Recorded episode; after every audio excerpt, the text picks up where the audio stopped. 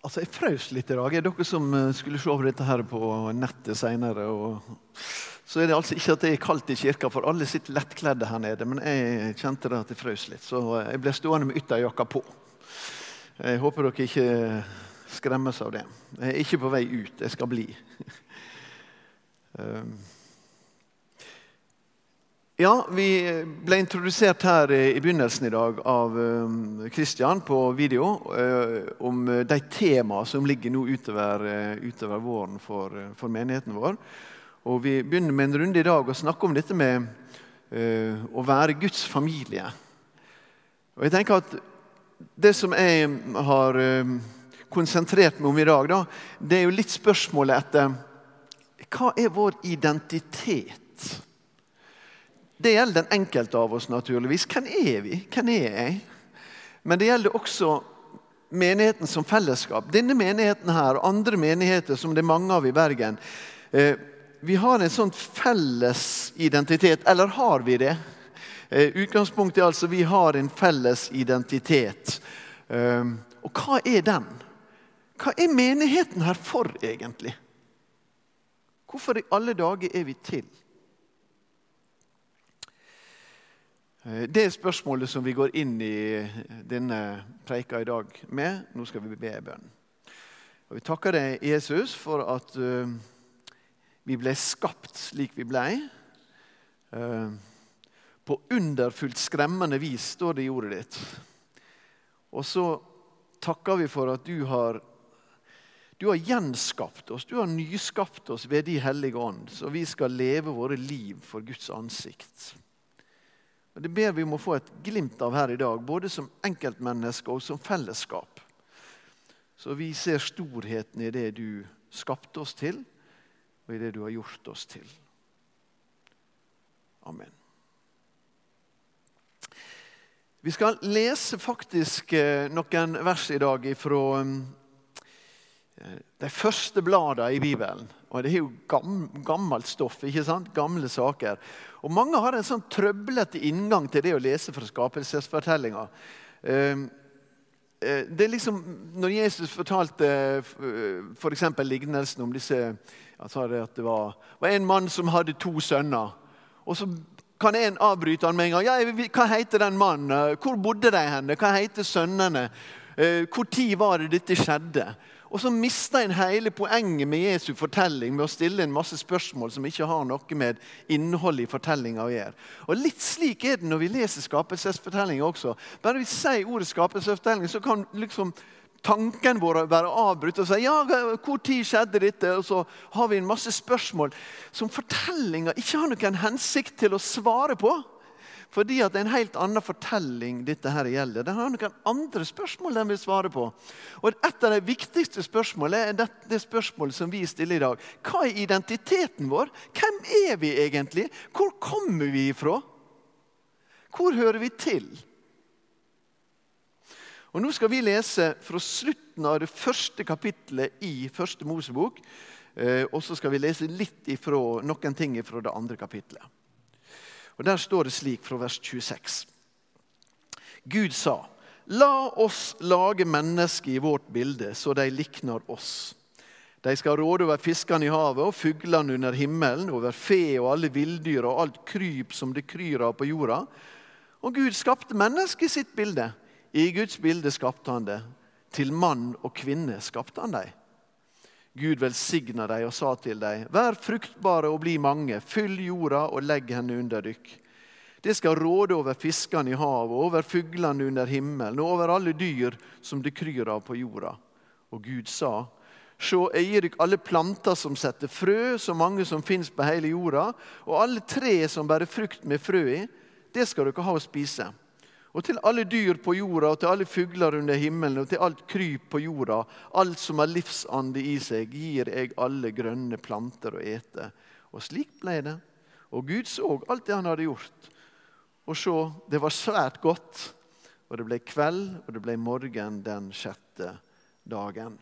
Så litt ifra kapittel to. Eh, da forma Herren Gud mennesket av støv fra jorda og blåste livspust i nesen på det, og mennesket ble en levende skapning. Herren Gud planta i gammel tid en hage i Eden. Der satte han mennesket som han hadde forma. Og Herren Gud let alle slags tre vokse opp av jorda, forlokkende å se på og gode å spise av. Og midt i hagen livsens tre og treet til kunnskap om godt og vondt. Så tok Herren Gud mennesket og satte det i Edens hage til å dyrke og passe på han. Og Herren Gud ga mennesket dette både. Du må gjerne ete av alle trærne i hagen, men av treet til kunnskap om godt og vondt må du ikke ete. For den dagen du eter av det, skal du dø. Da sa Herren Gud, det er ikke godt for mennesker å være alene. Jeg vil lage en hjelper av samme slag. Og Så begynner Gud å forme dyra i denne fortellinga. Så kommer dyra etter mennesker, ulikt den første fortellinga. Så leder han dem fram for mennesker som for øyeblikket bare er mannen. Og han gir dem navn, som betyr at han på en måte eh, er den som rår over dem, slik som det også står her, men altså på en god måte. Eh, men så er det ingen til seg sjøl fant mennesket ingen hjelper av samme slag.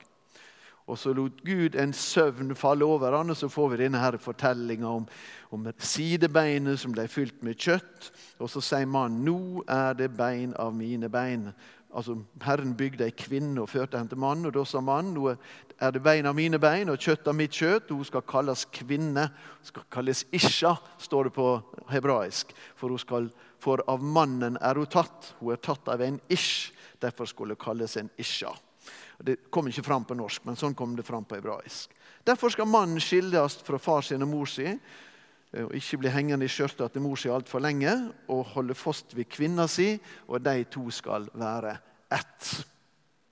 Og de var nakne, både mann og kvinne, og de skamma seg ikke for hverandre. Nei, hvorfor skulle de det? Hva er vår identitet? Og Disse første bladene i Bibelen her, hvis vi liksom jobber litt sånn mer skikkelig med dem og stiller alle spørsmål til dem som de ikke har tenkt å svare på, og begynner å stille de spørsmålene som de egentlig vil svare på, så er det helt grunnleggende for tilværelsen, de er grunnleggende for den kristne trua. De er grunnleggende rett og slett for at vi senere også skal kunne forstå evangeliet. Evangeliet blir på en måte meningsløst hvis ikke skapelsen går først. For Hvis ikke jeg står overfor en Gud med livet mitt, hvis jeg står overfor ingenting med livet mitt, hvis livet mitt bare går tapt når jeg dør, og så var alt over, og ikke står over for noen, da har evangeliet ingen mening. Da blir evangeliet bare én form for mange slags psykoterapi i vår verden. Og Det er sikkert noen som kan nytte evangeliet som psykoterapi, men det er ikke det som er hensikten med evangeliet. Hensikten med evangeliet det er å bringe oss tilbake i et rett forhold til Gud. Og Nå sier altså de første bladene i Bibelen at hvordan Gud tenkte dette her med oss og han. Nemlig at vi var skapt til å høre Han til. Og Det kommer jo fram med disse vakre ordene her at vi ble skapt i Guds bilde. Skapt i Guds bilde. Ehm, de gamle orientalske kongene de, de, Det var jo stadig sånne kriger. Sant? Vi har hørt om det babylonske riket, og det persiske riket, og det greske riket, og, og det asyriske riket og det egyptiske riket. Alle disse rikene hører vi faktisk om i Bibelen. Eh, og de, disse orientalske herskerne, Når de reiste rundt og utvida riket sitt, så sørga de for at det ble satt opp en slags bilde av dem rundt omkring i de nye plassene. Der. For de måtte jo reise derifra. sant? Kongene eller disse her herskerne de skulle videre og legge nye ting under seg. Og Så reiste de opp en form for bilde av seg sjøl som skulle stå der og skulle representere makta og minne folk om makta. Det var keiserens bilde, det var kongens bilde, det var herskerens bilde. Og Hvis noen kom til å ødelegge det, eller hvis noen kom til å spytte på det, så ble de hardt straffa, eller ble straffa med døden. Og Så sier altså første Mosebok til oss at slik er det med mennesket. Gud er ikke en erobrer, han er ikke en hersker. Han eier alt likevel, han, for det er han som har skapt det. Og så har han satt oss rundt omkring på denne jorda som sitt bilde. Og det bildet skal ikke spyttes på. Det bildet skal ikke ramponeres. Det bildet skal ikke herses med. Det bildet skal stå der som en påminning om Gud. Tenk det, da, dere. Du og jeg, vi som mennesker, er her på jorda som en påminning om Gud. Og den som vil herje med dette bildet, herjer med Gud. Det er ganske sterke dimensjoner på det. På den andre sida, i den andre fortellinga her, så står det at Gud tok støv av jorda, mold av jorda. Og så skapte han mennesker, og så dannet han det som en leirklump som vi har på skolen når vi sitter, her, eh, sitter med leir og skal danne noen krukker. og får det aldri til. Men Gud får det til, altså. Men vi minnes på salmens ord Kom i hu, eller husk på at dere er støv. Dere er støv, også det. Mennesket stort og herlig i Guds bilde. En påminning om den store Gud. Og en påminning om at han vil ha med sitt skaperverk å gjøre. Og ikke ødelegge det bildet. Og samtidig, akkurat som dyra på marka, så er vi forma. Og vi går tilbake dit når vi dør. Og dette at Det står at mennesket ble levende sjel, ja, det står en levende skapning. Akkurat det samme står senere om dyra. De også ble levende skapninger. Så det er noe veldig stort, og det er noe veldig jordnært. Veldig, Vi er av naturen, og vi er i, i Guds bilde. Så står det om identiteten vår at han skapte oss til mann og kvinne. Og Det er jo så utrolig stor forvirring om dette her i de tidene vi lever i nå. Er det mange kjønn i denne verden? Er kjønn noe som jeg bare opplever at det er inni meg? Er kjønn noe som vi bare kan komme på? 70 stykker, som en påstår? Eller bare sju stykker, som Espen, Ester Pirelli Benestad påstår nede i, Grimstad? Hvor mange kjønn er der? Ja, Bibelen sier at vi er skapt med to kjønn. Disse to kjønnene heter på hebraisk sakar og nekava. Og sakar det er det, det, er så, det, er så, konkret kjønnsforståelse i Det gamle testamentet. Nå må ikke bli sjokkert. Men sakar, som altså betyr mannlig, det er egentlig et ord som betyr en spiss, noe som skal trenge inn. Og nakava, eller nakava på hebraisk, det betyr noe rundt, eh, et hulrom som tar imot. Så konkret er det. Helt konkret. For å minne oss på at det er en djup sammenheng mellom biologi og kjønn. Og det kan vi ikke oppheve med masse slags lurendreierier som vi måtte drive med i vår tid. Vår identitet er mann og kvinne. og Så må vi ha romslighet for hva, som er en mann, og så må vi ha romslighet for, for hva, hva, som er kvinne. Men dette er de to kjønnene som Gud har skapt oss med, og som er den polariteten som driver verden fram. For uten den så kan vi heller ikke gjøre det som Gud kalte oss til, nemlig å oppfylle jorda eh, og bli fruktbare og bli mange. Det er faktisk en del av seksualitetens vesen at den også bærer i seg eh, akkurat denne Den eneste som bærer med seg muligheten for at vi kan bli flere. Sånn som vår kjære Mary nå har sørga for enda en gang. Eh, hun har ikke gjort det alene, bare sånn at det understrekes det. Så står det noe om at er det er vår identitet at vi er moralske vesen. Det skiller oss faktisk fra ethvert dyr på denne jorda. Jane Goodall, som er kanskje den som har studert sjimpanser mest i verden, Hun har bodd iblant dem i flere år Jane Goodall hun sier at uh, There is no moral with chimpanzees, sier hun. Det er ingen moral hos sjimpanser. Det er bare makt, sier hun. Det er kun makt. Ehm, det er kun kamp, det er kun dominans. Det er ingen moral. Det var de som kom oss nærmest. ikke sant? Men mennesket er skapt til å være et moralsk vesen. Og Det kom fram her i kapittel 2 vers 16. Derfor leste jeg det. Og Herren Gud ga mannen dette bådet. Du må gjerne ete av alle trærne i hagen. Men tre av kunnskap om godt og vondt må du ikke ete av. For den dagen du eter av det, skal du dø. Dem som setter Gud en grense som mennesket skal holde seg innafor og vise seg ansvarlig overfor. Mennesket er et ansvarlig vesen. Og Vi har fått noen grenser å vise oss ansvarlig overfor. Og Vi skal ikke overtrå den grensa, for når vi går over den grensa, da går vi inn i vondskapens område. Og vi er kalt til å være i godhetens område. Vi skal bare kjenne det gode. Vi skal ikke kjenne det som skiller mellom det gode og det vonde, og gå over i det vonde sitt område. Å være et menneske, det å være det å være fri til å være i en åpen relasjon med Gud, å være et menneske det også å anerkjenne at denne gudlikheten, den sitter alle mennesker med. alle mennesker skapt til. Det er vår identitet. Hva er vårt formål, da? Ja, det er ganske sterke ord som blir brukt om formålet med oss som mennesker. her. Formålet som sies noe om at vi, ja, vi er nesten visekonger, altså. Det som sies om mennesker, er nemlig at vi skal råde. og Det blir brukt dette ordet noen ganger, og mennesker har misbrukt det ordet. Vi skal råde på vegne av Gud. På vegne av Gud er vi gitt et ansvar i skaperverket vårt. Og Det betyr jo ikke at vi skal være sånne rå forbrukere og høvle over naturen. Da handler ikke vi slik som Gud ville handle.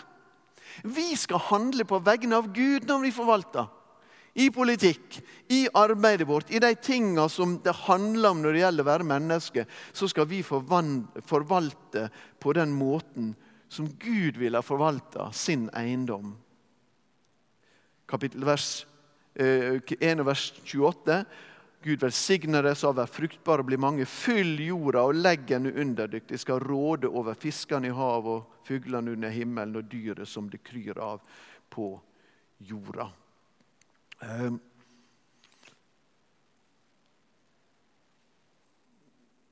Å leve i fellesskap med Gud og med hverandre, det er også vårt formål. Å leve i fellesskap. Da nærmer vi oss dette med menigheten. altså. Fordi Gud skapte oss til fellesskap.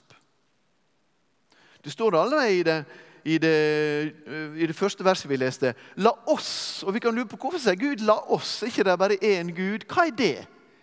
Er det en samtale han har med alle de andre himmelske vesener? Er det en intern samtale i treenigheten? Eller er det en sånn overveielsens 'la oss nå se'? Det kan vi også si. ikke sant? La oss nå se. Er det det han sitter og sier? Så grubler han grundig på hva han skal gjøre nå når han skaper mennesker. Men uansett, det er et oss og det er noe som skapes til fellesskap med hverandre. Da sa Herren Gud det er ikke godt for mennesker å være alene. Det er ikke godt for oss å være alene. dere. Mennesket dør fortere når mennesket er mop litt alene eller mist mennesket sammen med andre. Om vi inntar akkurat de samme næringsstoffene, akkurat den samme maten, beveger oss akkurat like mye med beina våre og sørger for at alle vilkår ellers er like, men hvis du er alene i livet, så dør du fortere. Dette viser all forskning. Du dør fortere enn hvis du er i fellesskap med andre. Hvis alle andre forhold er like. Vi er ikke skapt til alenehet. Vi er skapt til alenetid. Ja, ja, ja, noen av oss trenger alenetid. Men vi er ikke skapt til å gå gjennom livet som ensomme mennesker. Vi skapt til fellesskap. Det er ikke godt for mennesker å være alene. Å være menneske og være skapt eh, til Guds særlige hensikt, nemlig å forvalte det Gud har gitt oss, respektfullt. Hva er statusen vår, da? Hvor står vi henne? Ja, Det er her det blir rota til, ikke sant? Og Det er det også som leder oss fram til nødvendigheten av menigheten. Først og fremst nødvendigheten av evangeliet. For hva er statusen vår? Jo, vi glemte Gud når vi råda. Så vi ble maktmennesker i vår forvaltning. Vi begynte å tenke om oss sjøl om at vi er ikke først og fremst mennesker skapt i Guds bilde, men vi er mennesker skapt i konsumet, i forbruket sine bilder. Jeg har rett til å ta til meg det jeg vil. Jeg har rett til å forbruke. Jeg har rett til å forbruke pengene mine som jeg vil. Jeg har rett til å forbruke jorda sine ressurser som jeg vil. Jeg har rett til å forbruke andre mennesker som jeg vil. Jeg har lett, rett til å bruke seksualiteten min som jeg vil. Jeg defineres min identitet for veldig mange mennesker som vi lever sammen med. Og vi har det i oss sjøl at jeg er homokonsumens. Jeg er det konsumerende mennesket, og jeg har rett til å være den som konsumerer. Den som forbruker. Om det så går utover skaperverket, slik det har gjort, der havet lider, der jorda lider, og der lufta lider, og vi kan bare tenke på klimaet og hvordan det står til. Hvordan er det vi har stelt oss, dere? Det var ikke slik Gud tenkte det når han gjorde oss til visekonger. Det var ikke slik Gud tenkte når han sa det at det er fellesskap som er målet. Det er ikke din virkeliggjøring av din realisering som er målet. Det er ikke målet, det er din realisering kommer gjennom fellesskapet. Det er der din realisering blir lykkelig og meningsfull. Vi tar så lett vekk det som står i veien for oss. Vi dytter vekk andre mennesker på vår vei fram til våre mål. Ja, noen dytter til og med vekk barn i mors liv. Og noen vil at vi skal nå få love som dytter vekk de gamle og sjuke. Det er noe sjukt med oss, det er noe sjukt med samfunnet vårt. Når ikke vi respekterer Guds bilde i verden og forstår at den som skader det bildet, går til angrep på Gud og sitt medmenneske. Og vi trosser frimodig naturens orden. Og så overlater vi unge mennesker til en kjønnsforvirring som de skulle slippe å være overlatt til. Der vi skulle hjelpe mennesker til å forstå og omfavne og komme til rette med sin egen identitet, og også sin egen kjønnsidentitet.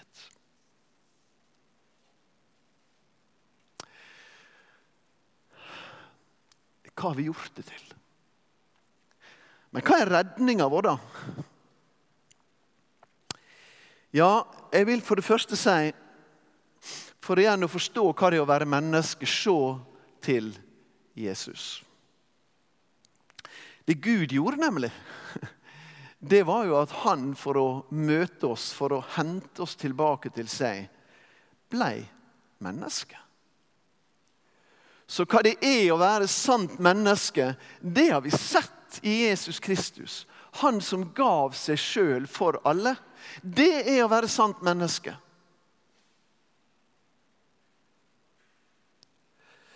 Eller for igjen å bli, ikke bare igjen for å forstå hva det er å være menneske, så trenger vi å se til Jesus. Men for igjen å bli genuine mennesker, så trenger vi å komme til Jesus. Vi trenger å gå til Jesus. Vi trenger å møte Han som kan gjenopprette. Og han som har sagt at en dag skal han nyskape, men allerede nå vil han ha også medarbeidere for å gjøre det annerledes enn vi til nå har gjort det. Det må en nyskapning til. I 2. Korinterbrev, det 5. kapittelet og det 17. verset, der står det, at, står det nettopp det at vi trenger å bli en ny skapning.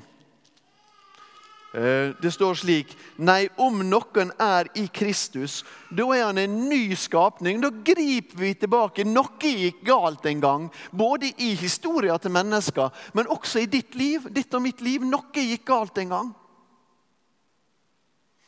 Så kommer Jesus så får vi et budskap. Så får vi en som er et budskap som drar oss tilbake til seg og sier nei, om noen er i Kristus, da er han en ny skapning. Det gamle er borte. Se, det nye har kommet til. Det er et nytt liv. Det er et nytt liv i Jesus Kristus. og På en måte kan vi også hente opp noen av bildene fra fra skapelsesfortellingene, der både i den første og den andre skapelsesfortellinga står dette med vannet som det livgivende. Det står helt sentralt. Og når Gud vil bringe oss inn i den nye tidsalder, så sier Jesus også 'Jeg kommer med vannet'. Vannet og ånda. Så blir vi døpt ved det vannet Gud har skapt, til å høre Jesus Kristus til. Nyskapelsen skjer også ved vann. Og Der blir det et nytt folk til. Ikke bare nye mennesker, men et nytt folk. Vi som fikk Guds bilde når vi ble skapt. Vi får vår fornya identitet som Jesu Kristi kropp. Og Da er vi midt inne i Bibelen sin tale om menigheten. For menigheten den kalles for Jesu Kristi kropp. Vi alle er lemmer på denne kroppen. Hodet for kroppen er Kristus. Ja, hele kroppen er Jesus Kristus. Og vår fornya identitet når vi blir døpt til å høre Jesus Kristus til, det er at vi også blir døpt inn i Guds menighet til å høre til i et nytt folk som representerer nyskapelsen. Og Dette folket det kaller Bibelen til og med for familien vår. For familien vår, vår nye familie. Ikke sånn at vi skal forkaste vår gamle familie. Nei, vi skal hedre far og mor, og vi skal, vi skal ha kjærlighet til alle som står oss nær. Men det er et enda mer grunnleggende forhold som blir til i den kristne menighet. Og vi vet hvor grunnleggende er dette med mor og far ikke sant? og det å høre til i en sammenheng. Eh, og jeg vet ikke om noen så Melodi Grand Prix i går. Vi så bare bitte litt av det. det var rikelig det vi så. Eh, men jeg leste et intervju med Sondre, eh, som jo er, fra Gudbrandsdalen og fra Kenya. Eh, og Han fortalte om dette. Han ble jo tre dager gammel, så ble han adoptert fordi han egentlig skulle legges vekk for å dø, fordi mora døde når hun fødte hun, han og, og søstera. Men så ble de adoptert, og de kom til Norge.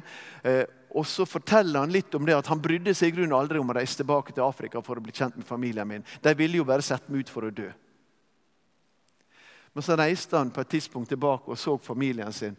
Og så møtte han dem, og så bare gjorde det så enormt inntog i hans liv fordi at han så det. Det var hans identitet. Så møtte han en onkel og sa han onkelen var jo helt lik meg. Han oppdaga at han hørte til. Han oppdaga en identitet. Vet du at Den kristne familie er en slik identitet. Det er et slikt fellesskap der vi finner oss sjøl også igjen. Fordi vi befinner oss i fellesskapet av Jesu Kristi søsken. Kirka er skapningens håp fordi vi er Jesu nærvær. Vi er, vi er nærværet av Han som det står om i Kolosserbrevet, at alt ble skapt i og ved og til. Det står om Jesus i Kolosserbrevet. Alt ble skapt i og ved og til Han. Og vi er Hans nærvær i verden. Kristi menighet, Hans kropp. Vi er skaperverkets håp på den måten. Bibelen kaller det for Jesus for førstegrøda og oss som skal følge ham. Menigheten gir oss ved evangeliet et fornya gudsbilde. Vi som har rota det sånn til. Så leser vi f.eks. i Feserbrevet så leser vi disse veldige kapitlene her i det første kapittelet om at vi er i Kristus. Vi er utvalgt i Kristus. Der er vår nye identitet å være i Han. Ja, Både i det fjerde kapittelet i Efeserbrevet og i det tredje kapittelet i Kolosserbrevet så står det at vi blir gjenskapt til det Guds bilde som vi hadde rota til. Men vi blir gjenskapt til dette bildet ved Jesus Kristus. Det skjer i Guds menighet. Vi er det folket. Ikke for å være eksklusive, nei, for å være inklusive. For vi vil at flest mulig skal gjenfinne sin identitet og finne Han som elsker deg med en evig kjærlighet. Vi har møtt Han. Vi vil at flest mulig, ja, vi vil at alle skal møte Han. For i menigheten så møter vi evangeliet slik at vi får gjort opp syndene våre. I menigheten får vi møte evangeliet sånn at vi som er skapt til å stå til ansvar, vi, vi kan stå der som frikjente pga. Jesus Kristus. Dommen har falt. Den rammer Jesus Kristus, så du og jeg skulle gå fri. Det fellesskap er vi. Den type fellesskap er vi som menighet. Og I menigheten så er vi en del av dette fellesskapet som skal synliggjøre det dype mysteriet mellom kvinne og mann, eller som Bibelen sier, mellom Kristus og menigheten som hans brud. Og I Efeserbrevet 5 så står det at dette er et mysterium. Og Der snakker han om hverandre, om forholdet mellom mann og kvinne og forholdet mellom Kristus og menigheten. Det er et djupt mysterium i det. Som mann og kvinne så Kristus og menigheten. Som Kristus og menigheten så mann og kvinne. Våre ekteskap, mange av oss lever i ekteskap, skal speile denne djupeste, djupeste virkeligheten. I menigheten lever vi ut, lever vi ut det nye fellesskapet med Gud og hverandre. Um, som peker mot nyskapinga. Og vi sendes ved Guds i med ord i menigheten, så sendes vi ut for å ta et nytt ansvar for forvaltninga av alt som er Guds. Og Derfor er ikke vi sånne som flykter fra verden. Og eh, Hvis menigheten forstår sitt kall som å flykte fra verden, da har en misforstått sitt kall. Vårt kall er å åpne oss til verden og gå ut i den verden som Gud har skapt, og, og ta tak i på nytt der det gikk galt med vår forvaltning. For dette hører Gud til. Han er glad i sitt skaperverk.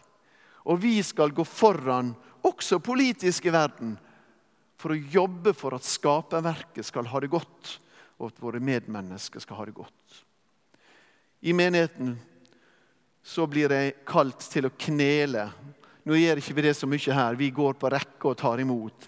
Men jeg, jeg er kalt til å ta imot sammen med alt Guds folk, og få ta imot Guds nåde. Og få ta imot det som er prega av Guds sønns bilde. For hva er det vi sier når vi kommer til nattverd? Dette er Jesu kropp. Dette er Jesu blod. Så konkret. Vi spiser hans bilde. Vi spiser han. Det er det som er vår fornya identitet for den enkelte av oss og for fellesskapet. I Kristus. Forsona i Jesus Kristus.